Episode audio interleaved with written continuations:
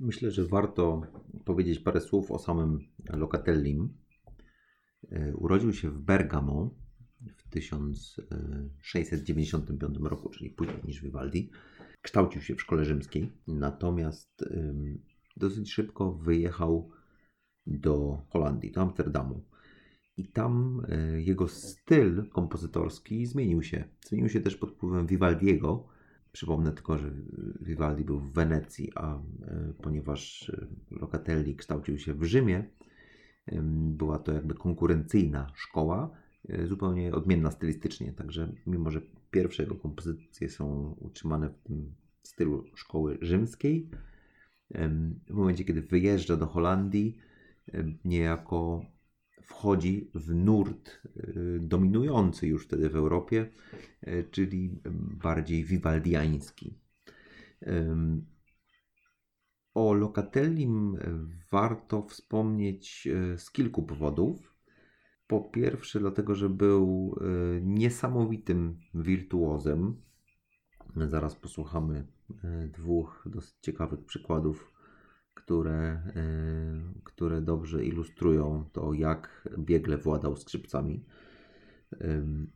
Po drugie, był y, bardzo przedsiębiorczym kompozytorem. Jego kompozycje wydawane były z niezwykłą starannością. On sam y, tego pilnował.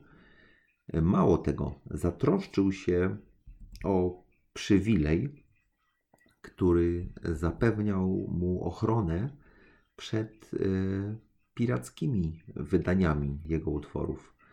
Ale warunkiem uzyskania tego przywileju było to, że e, musiał nieodpłatnie udostępnić e, kilka kopii bibliotece e, Uniwersytetu w Leiden.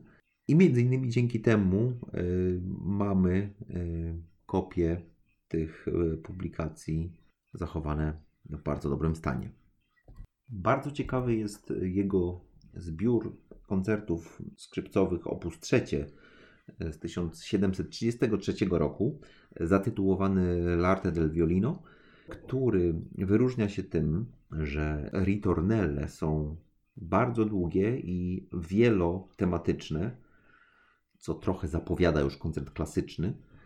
A drugą ciekawą cechą tych koncertów jest to, że Locatelli skomponował i zapisał kadencję do e, szybkich części tych koncertów. Locatelli nazywa tę kadencję capricci, kaprysy i chciałbym, żebyśmy dwóch przykładów e, takich kaprysów teraz posłuchali.